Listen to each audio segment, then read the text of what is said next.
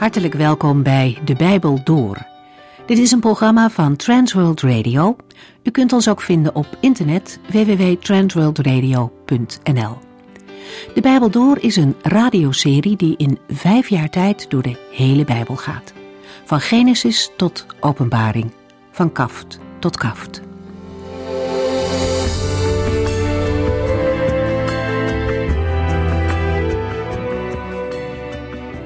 Lieve mensen, welkom bij deze nieuwe aflevering. We lezen vandaag uit de brief aan de Hebreeën. Een brief waarin we veel uitleg vinden over hoe Christus de uiteindelijke, volmaakte vervulling van veel oud-testamentische voorschriften is. In hoofdstuk 5 wordt bijvoorbeeld aangetoond dat Christus de volmaakte en betere hoge priester is. Degene die echte, definitieve verzoening tussen God en mens tot stand bracht. Om dat te kunnen doen, werd hij, Gods zoon, mens. We hebben gelezen hoeveel strijd het hem kostte om dat verzoeningswerk tot een einde te brengen. Het was niet iets wat hij zomaar deed. Het was een weg van veel strijd en veel lijden. Hij heeft het uitgeroepen tot zijn God en gesmeekt of het mogelijk was dat het lijden hem bespaard zou blijven. En God de Vader verhoorde dit gebed niet. Hij kon het niet, uit liefde voor ons, mensen. Het offer van zijn eigen zoon was de enige mogelijkheid om mensen niet verloren te laten gaan. En de Heer Jezus was het daarmee eens. Niet mijn wil, maar uw wil geschieden, zei hij tegen zijn vader. In dit onvoorstelbare moeilijke werk gehoorzaamde hij zijn vader tot het uiterste, tot de dood aan het kruis. Hij volbracht zijn taak op een volmaakte manier en daarmee werd hij de gever van eeuwige redding aan allen die hem gehoorzamen. En met gehoorzamen doelt de Bijbel op het geloven in de Heer Jezus Christus. Zijn woord gehoorzamen is aannemen wat hij vraagt. Uit deze gedeelte wordt ook duidelijk dat er geen andere weg is naar de hemel dan door het aannemen van het offer van Jezus Christus. Als er immers een andere mogelijkheid was geweest, dan had God niet dit offer van zijn eigen zoon hoeven te vragen. Wij lezen verder in de brief aan de Hebreeën om meer te lezen over deze zoon, die zo onnoemelijk veel voor ieder mens over had. Hoofdstuk 6.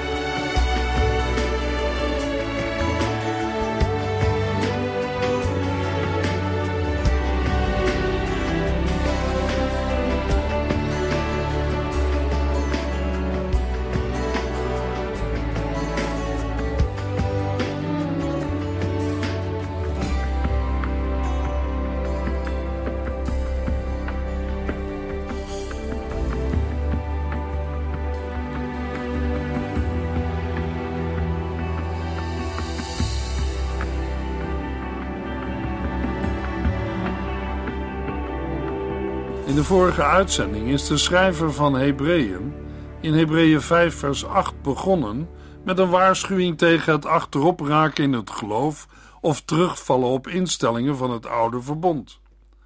De schrijver roept aan het slot van Hebreeën 5 op tot een opgroeien tot volwassen christenen. In Hebreeën 6 gaat hij op dit thema door. Hebreeën 6 vers 1 Daarom is het niet goed telkens weer terug te gaan naar wat we in het begin over Christus hebben geleerd. Wij moeten verder gaan en volwassen christenen worden. Het heeft weinig zin er nog eens over te beginnen dat wij ons moeten afkeren van daden die tot de dood leiden, maar dat wij op God moeten vertrouwen. Omdat gelovigen moeten opgroeien tot volwassen christenen, is het niet goed om het steeds over de basisprincipes van het evangelie te hebben.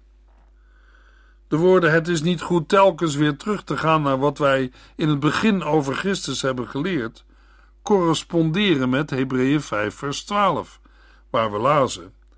Maar u bent helaas zo ver teruggevallen dat de eerste beginselen van het christen zijn u weer moeten worden bijgebracht. In vers 1 van hoofdstuk 6 wordt gezegd dat een gelovige niet in de eerste beginselen van het christen zijn moet blijven steken. In het vervolg van vers 1 maakt de schrijver duidelijk en werkt het verder uit wat deze eerste beginselen van het christen zijn precies inhouden. Wat de bedoeling van de schrijver van Hebreeën is, wordt duidelijk in de volgende zin. Wij moeten verder gaan en volwassen christenen worden. De schrijver wil met zijn lezers op weg naar een geestelijke volwassenheid. Het opgroeien tot volwassen christenen was immers ook het onderwerp van het slot van het vorige hoofdstuk. De schrijver wil met zijn lezers niet weer terug naar wat ze in het begin over Christus hebben geleerd, naar het fundament van het christelijk geloof, of anders gezegd, naar de fundamentele waarheden en het basisonderwijs van het evangelie. Over de genoemde onderwerpen hebben zij in het verleden genoeg onderwijs ontvangen. In het vervolg van Hebreeën 6 noemt de schrijver zes thema's van de eerste beginselen van het christen zijn. In Hebreeën 6 vers 20 keert hij dan weer terug naar zijn eigenlijke onderwerp over Jezus en Melchizedek. De schrijver van Hebreeën is ervan overtuigd dat zijn lezers door zijn vermaning zo zijn geschrokken dat zij bereid zijn zich te richten op het volwassen christen worden. Het zich afkeren van daden die tot de dood leiden, is verbonden met wij moeten op God vertrouwen, of anders gezegd, bekering van dode werken vormt een paar met geloof in God.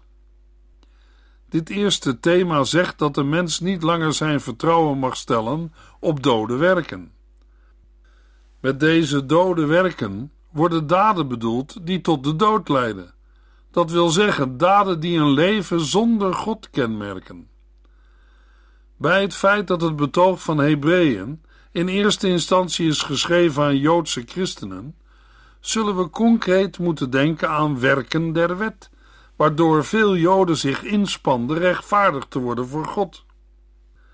Paulus schrijft aan de Filippenzen in hoofdstuk 3, vers 9: Ik reken er niet meer op dat ik het met God in orde kan maken door het houden van allerlei wetten.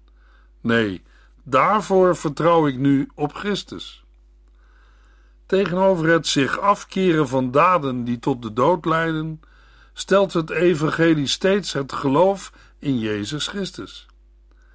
Het hier genoemde geloof in God betekent dat een mens op de Here moet vertrouwen, namelijk dat God zijn belofte, die hij in Christus heeft gegeven, zal vervullen. Hebreeën 6, vers 2.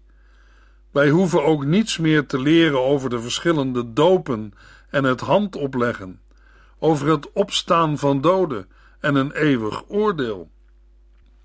De basisprincipes van het evangelie worden in tweetallen geordend. Het tweede paar, een leer van verschillende dopen en handopleggen, handelt over het begin van het nieuwe leven van de gelovigen. Terwijl de laatste twee, het opstaan van de doden en een eeuwig oordeel, gaan over het toekomstige eeuwige leven. De woorden wij hoeven ook niets meer te leren over de verschillende dopen en het handopleggen wordt door vele vertalers in verband gebracht met de Joodse rituele wassingen en dooppraktijken, onder andere de proselietendoop, de doop van Johannes en de christelijke doop. Maar in combinatie met het handopleggen moeten we eerder denken aan het onderwijs over de twee christelijke dopen, namelijk de doop in water en de doop in of met de Heilige Geest. Het opleggen van handen was doorgaans de uiterlijke handeling bij de doop of de vervulling met de Heilige Geest. Deze beide dopen vormen samen het begin van het nieuwe leven in Christus. Van de laatste twee thema's spreekt het opstaan van doden over de zekerheid van de gelovigen, dat zij bij de komst van Christus een nieuw verheerlijkt leven zullen ontvangen. Voor de ongelovigen betekent het opstaan van de doden dat zij door de Heer Jezus Christus zullen worden veroordeeld met een eeuwig oordeel. De volgorde van de drie tweetallen van fundamentele thema's van het christelijk geloof loopt parallel aan het drievoudig werk van de Heilige Geest in deze wereld. In Johannes 16, vers 8 lezen we: En wanneer Hij komt, zal hij de mensen in de wereld overtuigen van zonde, rechtvaardigheid en oordeel. Hebreeën 6, vers 3. Als de Heer het goed vindt, zullen wij nu verder gaan met andere dingen. Deze woorden hebben betrekking op het onderwerp van de vorige versen, namelijk verder gaan en volwassen christenen worden, en niet blijven stilstaan bij de basisprincipes die de lezers eigenlijk al lang zouden moeten kennen. Het vervolg geeft aan dat de schrijver niet van plan is rekening te houden met degenen die ongehoorzaam zijn. Hij moedigt hen aan verder te gaan en te groeien in geloof. De woorden als de Heere het goed vindt is een uitdrukking die door gelovigen vaker werd gebruikt. Er wordt mee duidelijk gemaakt dat alle plannen van gelovigen onderworpen dienen te zijn aan Gods wil.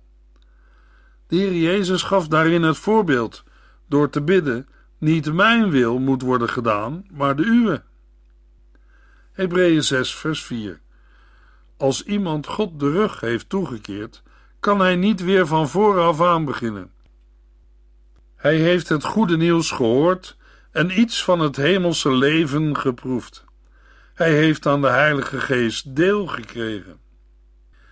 In vers 4 wordt uitgelegd waarom de schrijver van Hebreeën niet nogmaals de eerste beginselen van het evangelie wil onderwijzen aan zijn lezers. Het is absoluut zinloos om een bekeringsboodschap te prediken aan mensen die zich bewust hebben afgekeerd van het christelijk geloof dat ze eens aanhingen.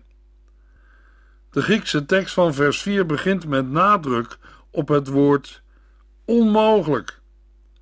Want het is onmogelijk als iemand God de rug heeft toegekeerd. En wat er verder volgt in vers 4. De schrijver wil zeggen dat het onmogelijk is een afvallige opnieuw tot bekering te brengen. Wel is het belangrijk goede notie te nemen van de gelovige die hier wordt beschreven. De schrijver van de Hebreeën heeft het niet over iemand die niet of nauwelijks is bekeerd, maar over een gelovige die vervuld was met de Heilige Geest en op vele manieren de kracht van de Heilige Geest heeft ervaren. Als zo iemand afvalt van het geloof, krijgt dit het karakter van zonde tegen de Heilige Geest, waarvoor geen vergeving is. In een andere vertaling wordt het omschreven met de woorden: Het is onmogelijk degenen die eens verlicht zijn geweest, van de hemelse gave genoten hebben en deel gekregen hebben aan de Heilige Geest, weder opnieuw tot bekering te brengen. In alle vertalingen krijgt de Heilige Geest grote nadruk. De woorden die eens verlicht zijn geweest kunnen betekenen dat het gaat om mensen die ooit het onderwijs over Christus hebben gehoord en tot geloof zijn gekomen. De woorden kunnen ook betekenen dat de bedoelde persoon een openbaring van de Heilige Geest heeft ontvangen. De toevoeging, hij heeft iets van het hemelse leven geproefd, houdt in dat de betreffende gelovige de Heilige Geest ook werkelijk heeft ontvangen en ervaren. Kortom, de bedoelde gelovige wordt gekarakteriseerd als iemand die deel heeft gekregen aan de Heilige Geest. Het deel krijgen aan de Heilige Geest kan verschillende dingen betekenen. Onder andere een bijzondere ervaring hebben met de Heilige Geest of een bepaalde genadegave van de Geest krijgen. Hebreeën 6, vers 5.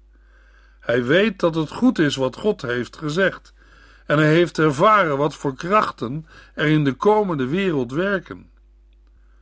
Ook de twee in vers 5 genoemde ervaringen staan niet los van de Heilige Geest. De woordkeuze en hij heeft ervaren, in combinatie met een vierde naamval in de Griekse tekst van vers 5, houdt in dat de persoon waar het om gaat wel weet dat het goed is wat God heeft gezegd en dat ook heeft ervaren, maar hij heeft het niet in bezit gekregen. Voor de woorden hij weet dat het goed is wat God heeft gezegd, lezen we in andere vertalingen: Hij heeft deel gekregen aan het goede woord van God.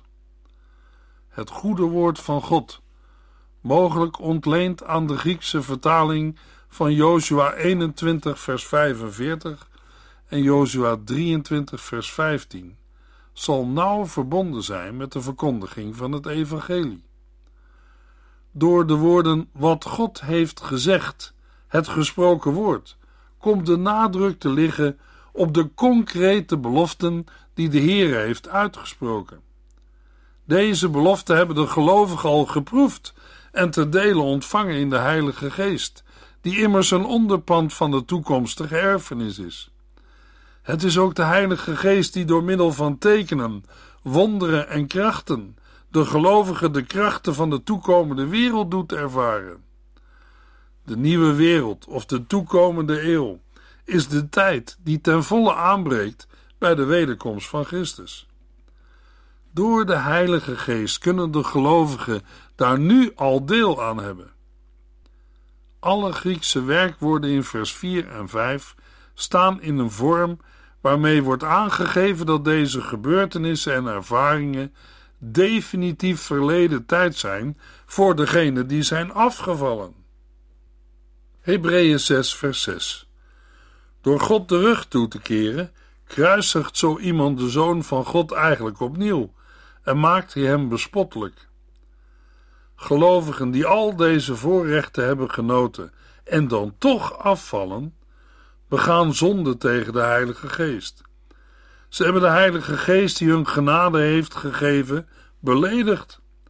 Voor hen is geen vergeving meer, hetgeen zich uit in verharding en een niet meer tot bekering komen.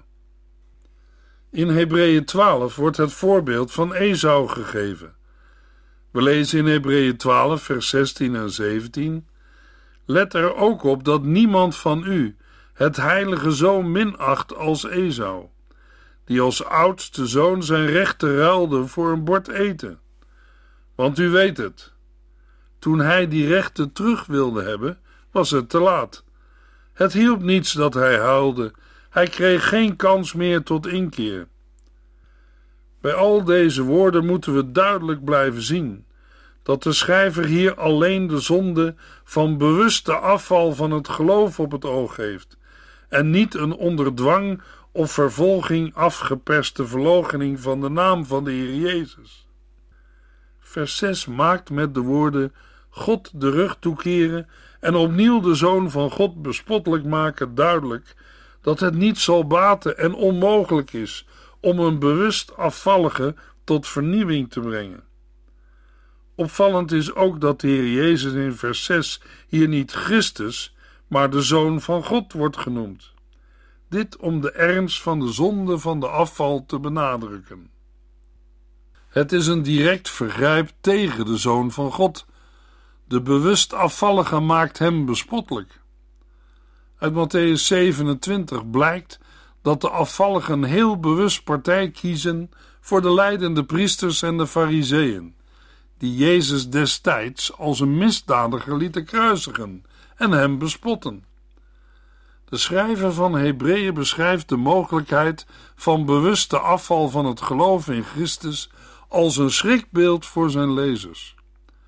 Maar uit vers 9 zal blijken dat de toestand van de gelovigen, aan wie Hebreeën in eerste instantie is gericht, nog niet zo ernstig is. Hebreeën 6 vers 7 Als op een stuk bouwland flink wat regen is gevallen en het een goede oogst heeft gegeven, is het duidelijk dat God het heeft gezegend. Met een voorbeeld uit de natuur maakt de schrijver duidelijk waarom Gods straf niet kan uitblijven over hen die bewust van het geloof afvallen. Het is vanzelfsprekend dat een akker die voldoende regen uit de hemel ontvangt, gewas voortbrengt voor de eigenaar. Zo is het ook logisch dat de mens over wie vanuit de hemel zo rijkelijk de Heilige Geest is uitgestort, goede vruchten zal voortbrengen.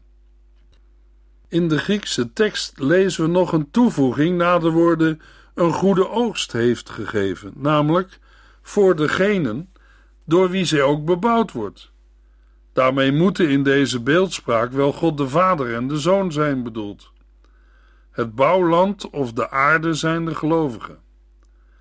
In de woorden een goede oogst en gezegend als ook de woorden dorens en distels en niet zwaard in vers 8, zullen lezers met een Joodse achtergrond zeker een heenwijzing hebben gezien naar Genesis 1 en naar Genesis 3, vers 17.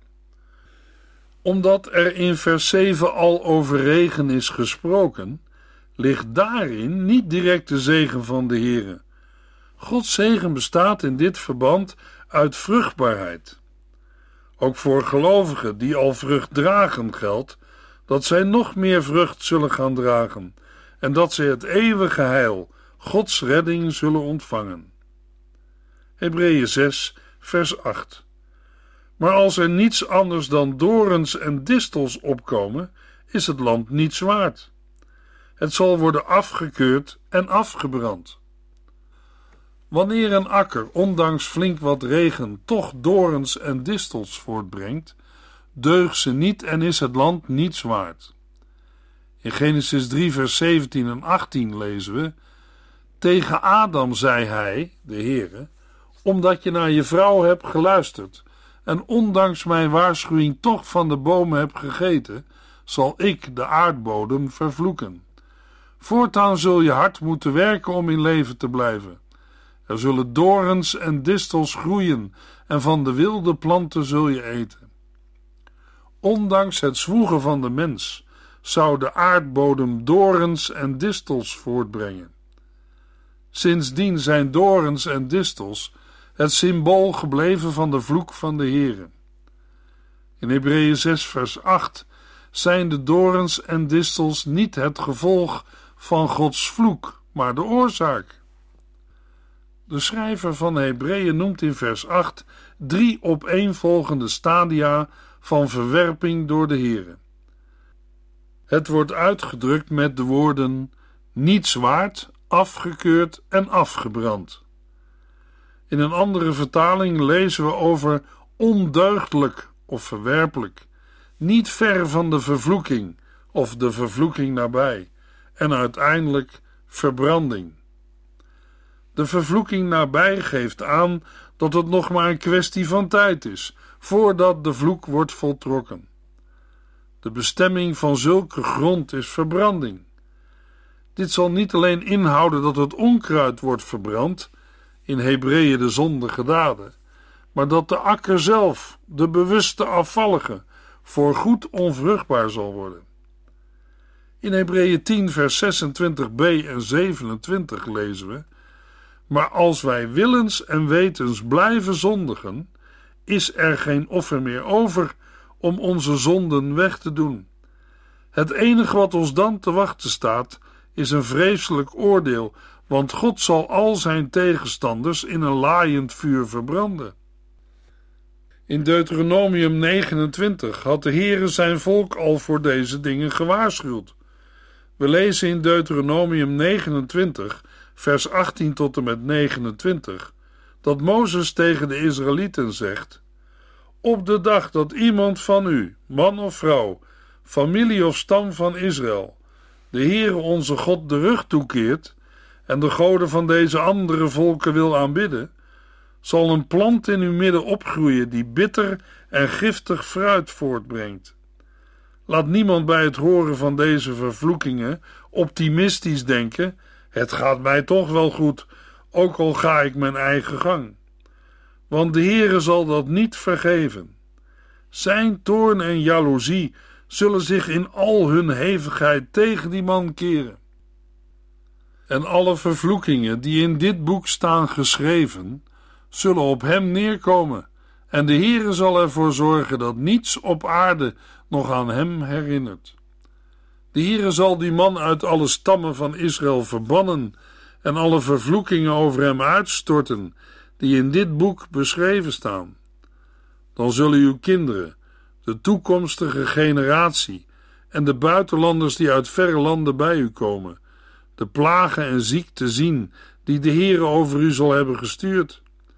Zij zullen zien dat het hele land is verbrand met zwavel en zout. Niets is ingezaaid en er wordt niet geoogst. De plantengroei is verdwenen, net als in Sodom en Gomorra en in Atma en Seboïm. de steden die de Heer in zijn toorn verwoestte. Waarom heeft de Heer hun dit aangedaan? zullen de volken zich afvragen. Waarom was hij zo toornig? En hun zal worden verteld, omdat de mensen van dat volk het verbond verbraken dat de Heere, de God van hun voorouders, met hen had gesloten toen hij hen uit Egypte wegleidde. Want zij dienden en aanbaden vreemde goden en overtraden op die manier zijn uitdrukkelijke verbod. Daarom keerde de toorn van de Heere zich tegen zijn land en al zijn vervloekingen, die in dit boek staan opgeschreven, werden uitgestort over dit volk. In hevige toorn rukte de Heer het uit zijn land weg en verdreef het naar een ander land. Er zijn geheimen die de Heer uw God u niet heeft geopenbaard, maar deze woorden, die hij wel heeft geopenbaard, moeten wij en onze kinderen voor altijd gehoorzamen. Luisteraar, de Heer is een God van liefde, maar ook een jaloers God.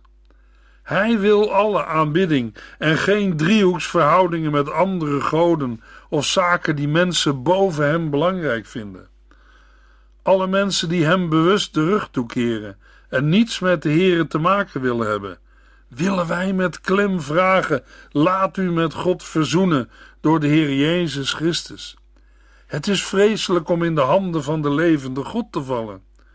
U kunt de Heere, de God van Israël, de Vader van de Heer Jezus Christus wel negeren, maar niet ontlopen. Uit Hebreeën 6, vers 9 blijkt dat het met de lezers van Hebreeën nog niet zo ver is gekomen dat ze zijn afgevallen van hun geloof. Maar het is wel een reële mogelijkheid. De woorden, voorbeelden en waarschuwingen van de schrijver zijn er om te voorkomen dat Joodse gelovigen, maar ook niet-Joodse gelovigen, de Heere juist niet de rug zullen toekeren, maar dat zij zullen opgroeien tot volwassen christenen, die de Heere dienen en op Hem vertrouwen. In de volgende uitzending lezen we verder in Hebreeën 6.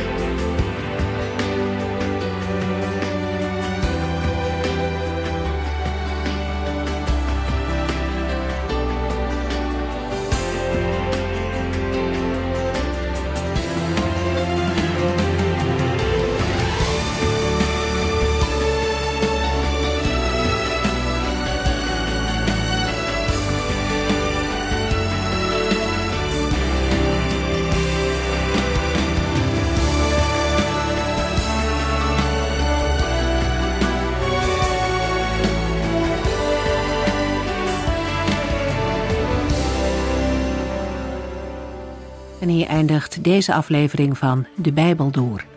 Een serie programma's van Transworld Radio.